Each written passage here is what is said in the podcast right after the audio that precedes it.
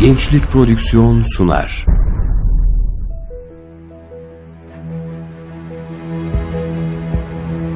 Bizim davamız İslam'dır. Gayemiz Allah'ın rızasını kazanmaktır. Hedefimiz hak nizamını hakim kılmaktır. Arzumuz tüm insanlığın saadetidir. Yolumuz ikna metodudur, cihattır. Bu dava için çalışmak herkese nasip olmaz. İster gecenizi gündüzünüze katarak çalışın, ister yan gelip yatın. Bu hak davanın başarısını ne bir gün öne alabilirsiniz ne de bir gün geciktirebilirsiniz. Bütün mesele bu şerefli davada nasıl bir imtihan vereceğinizdir.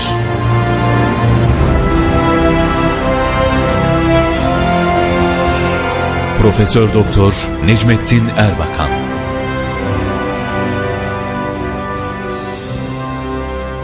Davam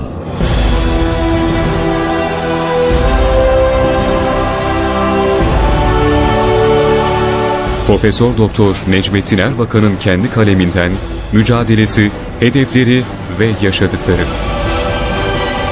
Seslendiren Arif Bildirici. Kayıt montaj Ali Güngör.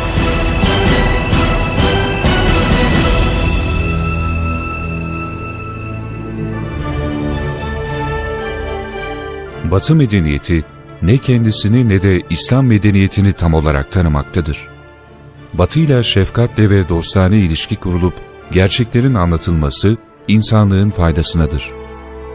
Batı medeniyeti içinde yetişen insanlar, kendi medeniyetlerinin temelinde yukarıdan beri açıkladığımız temel özelliklerin yer aldığının farkında değildirler. Bu durum yetişme şartları ve yaşadıkları ortamın meydana getirdiği doğal bir sonuçtur. Tıpkı balığın bütün kainatı sudan ibaret zannettiği gibi, onlar da aldıkları telkinlerle asırlardan beri bu özellikler içinde yaşayıp geliştiklerinden, insanlara saadet getirecek yegane, en güzel, en doğru yolun bundan başkası olamayacağı düşüncesi hakim olmuştur. Kendileriyle kurulacak dostane diyaloglarla, gerçeklerden haberdar edilmelerinde bütün insanlık için büyük yarar vardır. Bu konu insanlık problemlerinin çözülmesinde en önemli noktalardan birini teşkil etmektedir. İslam-Batı diyaloğu ve özlenen dünyanın kurulması için atılması gereken temel adımları şöyle sıralayabiliriz. 1,5 milyarlık İslam aleminin tanınmış, ilim, fikir ve aksiyon adamlarından teşekkül eden bir kurul oluşturulmalıdır. Bu kurul, İslam aleminin halk topluluklarını temsil eden, diyaloğun önemini kavramış ve benimsemiş kimselerden teşekkül eden bir kurul olacaktır. Bu kurulun ana gayesi, yeni bir dünyanın insanlara saadet getiren, barış ve huzur içerisinde yaşayan bir dünya olmasını temin etmek olmalıdır.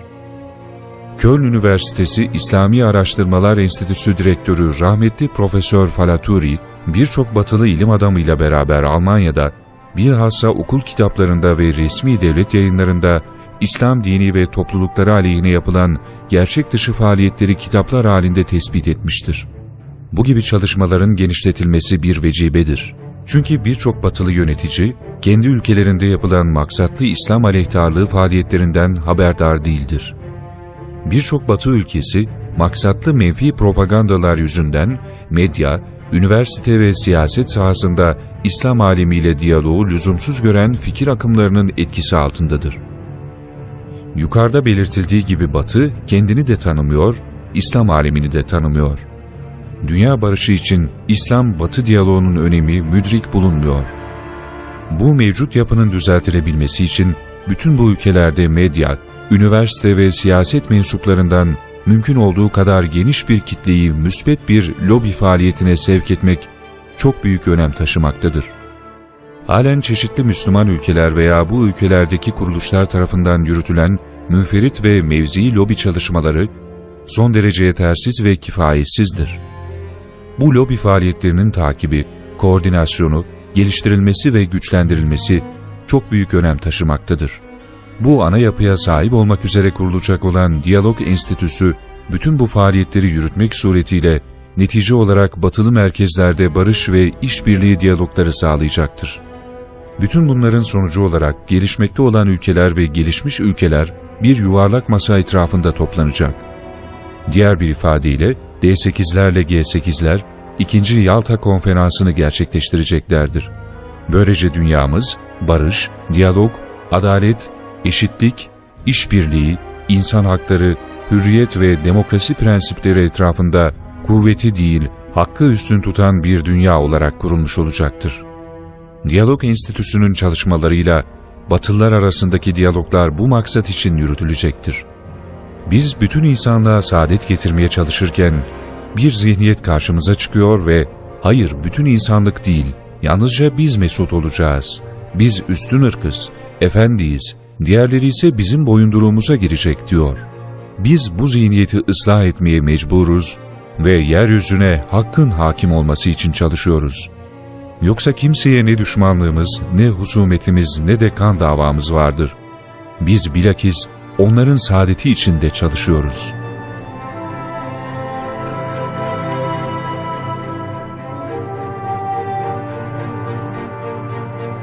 Milli Görüş, Türkiye'nin en eski, köklü ve ciddi araştırma kuruluşlarını kurmuştur.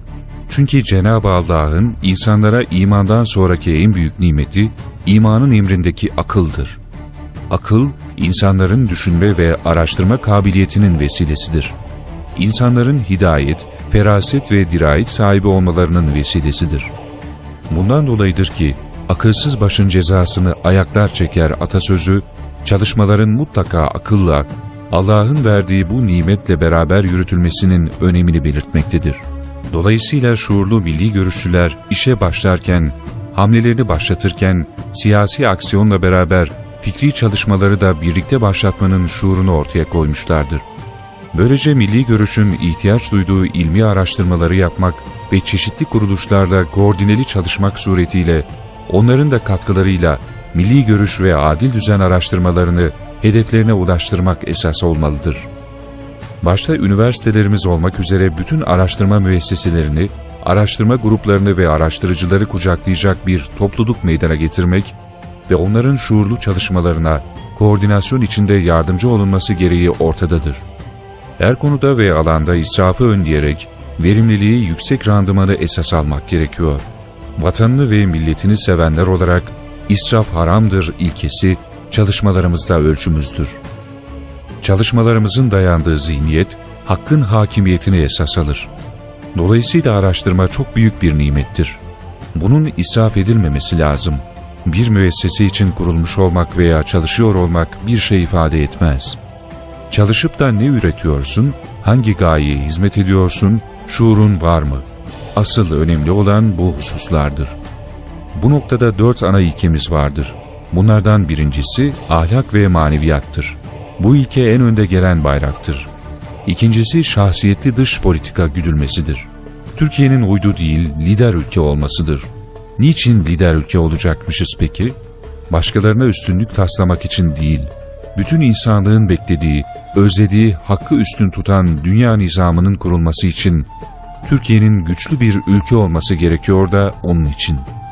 Üçüncüsü müstemleke tipi kalkınma değil, lider ülke kalkınma modeli esastır. Bunlar yıllardan beri milli görüş çizgisindeki beş ayrı partinin seçim afişlerinde temel sloganlar olarak millete duyurulmuş ana hedeflerdir. Dördüncüsü ise yeryüzünde ifsadın önlenmesi, Türkiye'nin ve bütün insanlığın saadeti için çalışmaktır. Bunları böyle söylüyorsunuz da gerçekte ne yaptınız diyen insanlara söyleyecek de çok sözümüz var.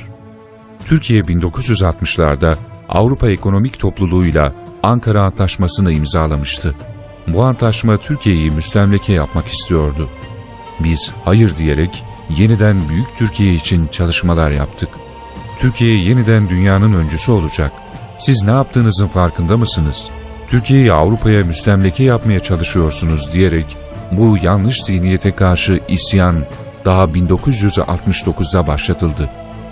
O dönemde imzalanan Ankara Antlaşması'yla millet narkozlanmaya çalışılıyordu. Milli görüş o zaman bu antlaşmayı imzalayanlara hitaben, gelin buraya, şu yaptığınız antlaşmaya bakın dedi. Bu antlaşmayla Türkiye adeta sömürgeleştirilmektedir. Yukarıda bahsettiğimiz için teferruatına girmeyeceğim. Sadece o gün yaptığımız bir tespitle yetineceğim. Antlaşmaya bir madde koymuşlar. 22 senede gümrükler eşitlenecek, ortadan kaldırılacak. Peki nasıl kaldırılacakmış? Bunun kaldırılması için Türkiye her sene gümrüklerini %5 oranında indirecek. Aynı zamanda Avrupa'dan ithal ettiği malların miktarını da %5 oranında artıracak. Ne demek bunun manası? Bunun manası siz sanayileşmeyeceksiniz, siz bize bağlı bir ülke olarak kalacaksınız. Daha yolun başında 40 sene önce milli görüş, bugün içine düşülen felaketi işaret etmiştir. Hayır, yanlış tarafa gitmeyin, milli görüşe esas alın, Türkiye'yi modern sömürge yapmayın denmiştir. Biz sömürgeleşmeyelim diye, lider ülke olalım diye bu çalışmaları ortaya koyarken, millet batıcılar tarafından çeşitli yollarla aldatılmaya çalışılmıştır. Denmiştir ki efendim biz emperyalist güçlerle, batıyla iyi geçinmezsek, kendi gücümüzle ayakta duramayız. Ekonomimizi yürütemeyiz. Yaşayabilmek için onlara muhtacız. Onlarla iyi geçinmeliyiz. Milli görüş işte bu yanlış zihniyete daha ilk günden karşı çıkmış, ne münasebet, niçin kendi imkanlarımızla ayakta duramayacakmışız demiş ve ekonomide milli çözüm çalışmalarını yürütmüştür. Uzun yıllar Türkiye'mizin hangi zenginliklere sahip olduğunu ve bunlardan gerçekleştirilecek projelerle ne büyük gelirler elde edileceğini gösteren konferanslar serisi başlatılmıştır.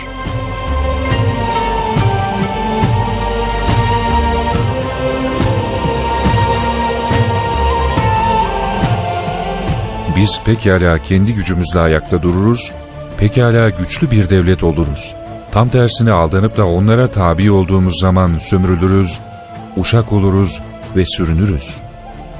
İşte 40 sene öncesinden ekonomide milli çözüm çalışmaları bu ana maksadı, bu büyük hizmeti yapmak için yürütülmüş ve bu hususta senelerce çok önemli adımlar atılmıştır. Bu çalışmalar sadece düşünce boyutunda da kalmamış, 1974-1978 arasında kurmuş olduğumuz 3 hükümette ve 1996-1997 yıllarında kurduğumuz 54. Cumhuriyet hükümetinde ekonomide milli çözüm esasları uygulanmaya konmuştur.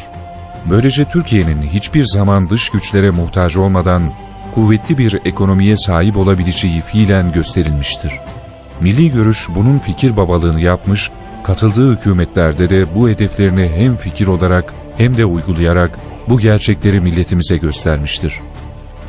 Eğer bugün Türkiye belirli bir seviyeye gelmişse bunun temel sebebi milli görüşün sahip olduğu orijinal fikirler ve kurduğu hükümetlerde Türkiye'nin gitmesi gereken istikameti belirleyen temel icraatlarıdır. Her şeye rağmen bizim kimseyle kan davamız yoktur. Birçok Müslüman ülke işgal edilmiş, görülmemiş zulümler işlenmiş ve bütün dünya kontrol altına alınmaya çalışılmış. Buna rağmen bizim hiç kimseyle intikam hesabımız yoktur. Bizim sadece bütün insanlığa saadet getirme hesabımız ve davamız vardır. Biz yeryüzüne hakkın hakim olması için çalışıyoruz. Bu yüzden bu zihniyeti ıslah etmeye mecburuz. Yoksa kimseyle ne düşmanlığımız, ne husumetimiz, ne de kan davamız vardır. Bu emperyalistlerin zihniyeti ya öleceksiniz ya da kölemiz olacaksınız şeklindedir. İşte bugün Irak'ta, Afganistan'da ve Filistin'de yapılan şey budur. Öyleyse yapılması icap eden husus, bütün insanlığa saadet getirmek için çok büyük bir gayretle çalışmaktır. Çünkü insanlığın saadeti milli görüştedir. Milli görüşün tanıtılıp yaygınlaştırılması en büyük hizmettir.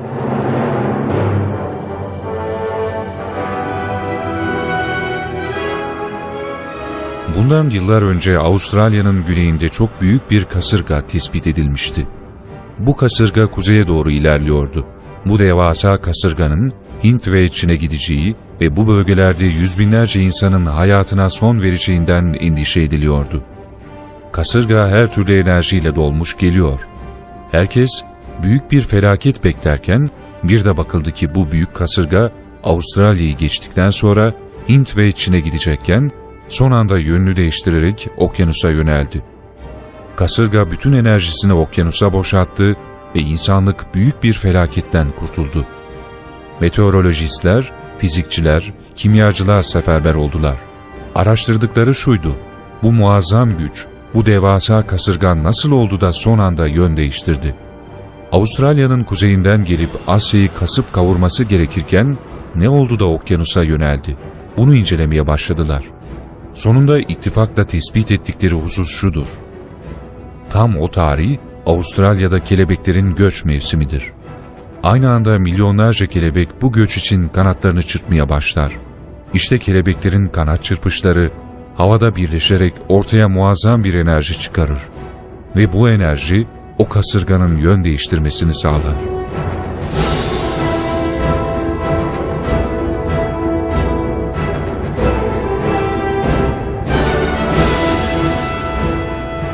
İşte milli görüş çalışmaları, insanlığı felakete götüren büyük kasırgaların yönünü değiştirecek olan o kelebeğin ta kendisidir. Günümüzde yaşadığımız çok büyük dünya olayları yüzünden milli görüş her zamankinden daha büyük önem kazanmıştır. Öyleyse gayretlerimizi artıracağız. Sebepler açıktır. Hadiseler apaçık gözümüzün önündedir. Onun için vitesimizi değiştirmeliyiz. Hep beraber barış ve adil bir dünyanın kurulması için birlikte gayret etmeliyiz. Fikir kirlenmelerini önlemek için yoğun çalışmalara ihtiyaç vardır. Yeni bir dünya kurma hususunu da azmetmek için milli görüşçü bütün kuruluşları şuurlandırma çalışmalarını öncelikle fikri gayretlerle gerçekleştirmesi önemli bir husustur.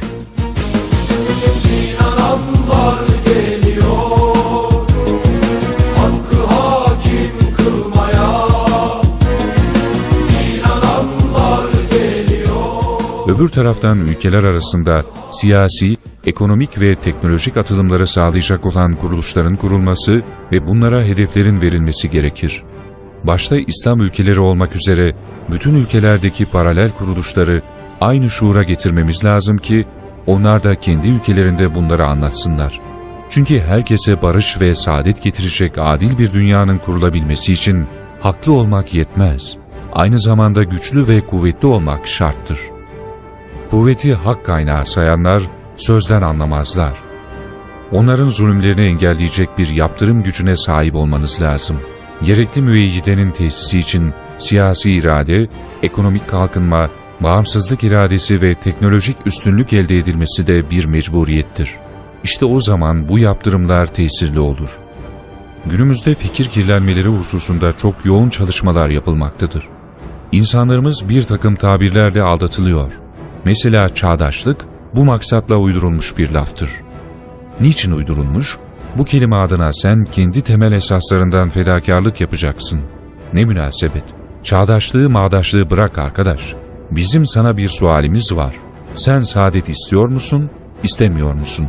Bırak kuru lafları da asıl meselenin cevabını ver bakalım. Saadet istiyorsan o zaman o saadeti meydana getirecek olan şartlara uyman lazım. Sen çağdaş olmuşsun da ne olmuş? Öyleyse bizim temel hareket noktamız şefkat ve sevgi, milli görüşün gayesi de hiç istisnasız bütün insanlığın saadeti olduğu için mevcut dünya şartlarında elimizden gelen çalışmaları yaparak en büyük hayrı işleyeceğiz.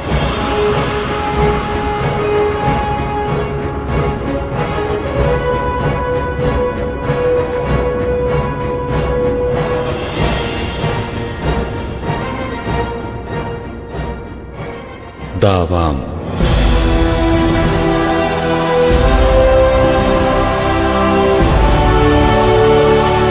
Profesör Doktor Necmettin Erbakan'ın kendi kaleminden mücadelesi, hedefleri ve yaşadıkları.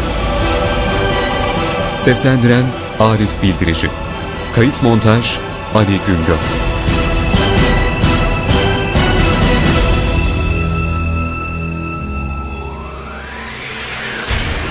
Gençlik Prodüksiyon sundu. 0332 350 7801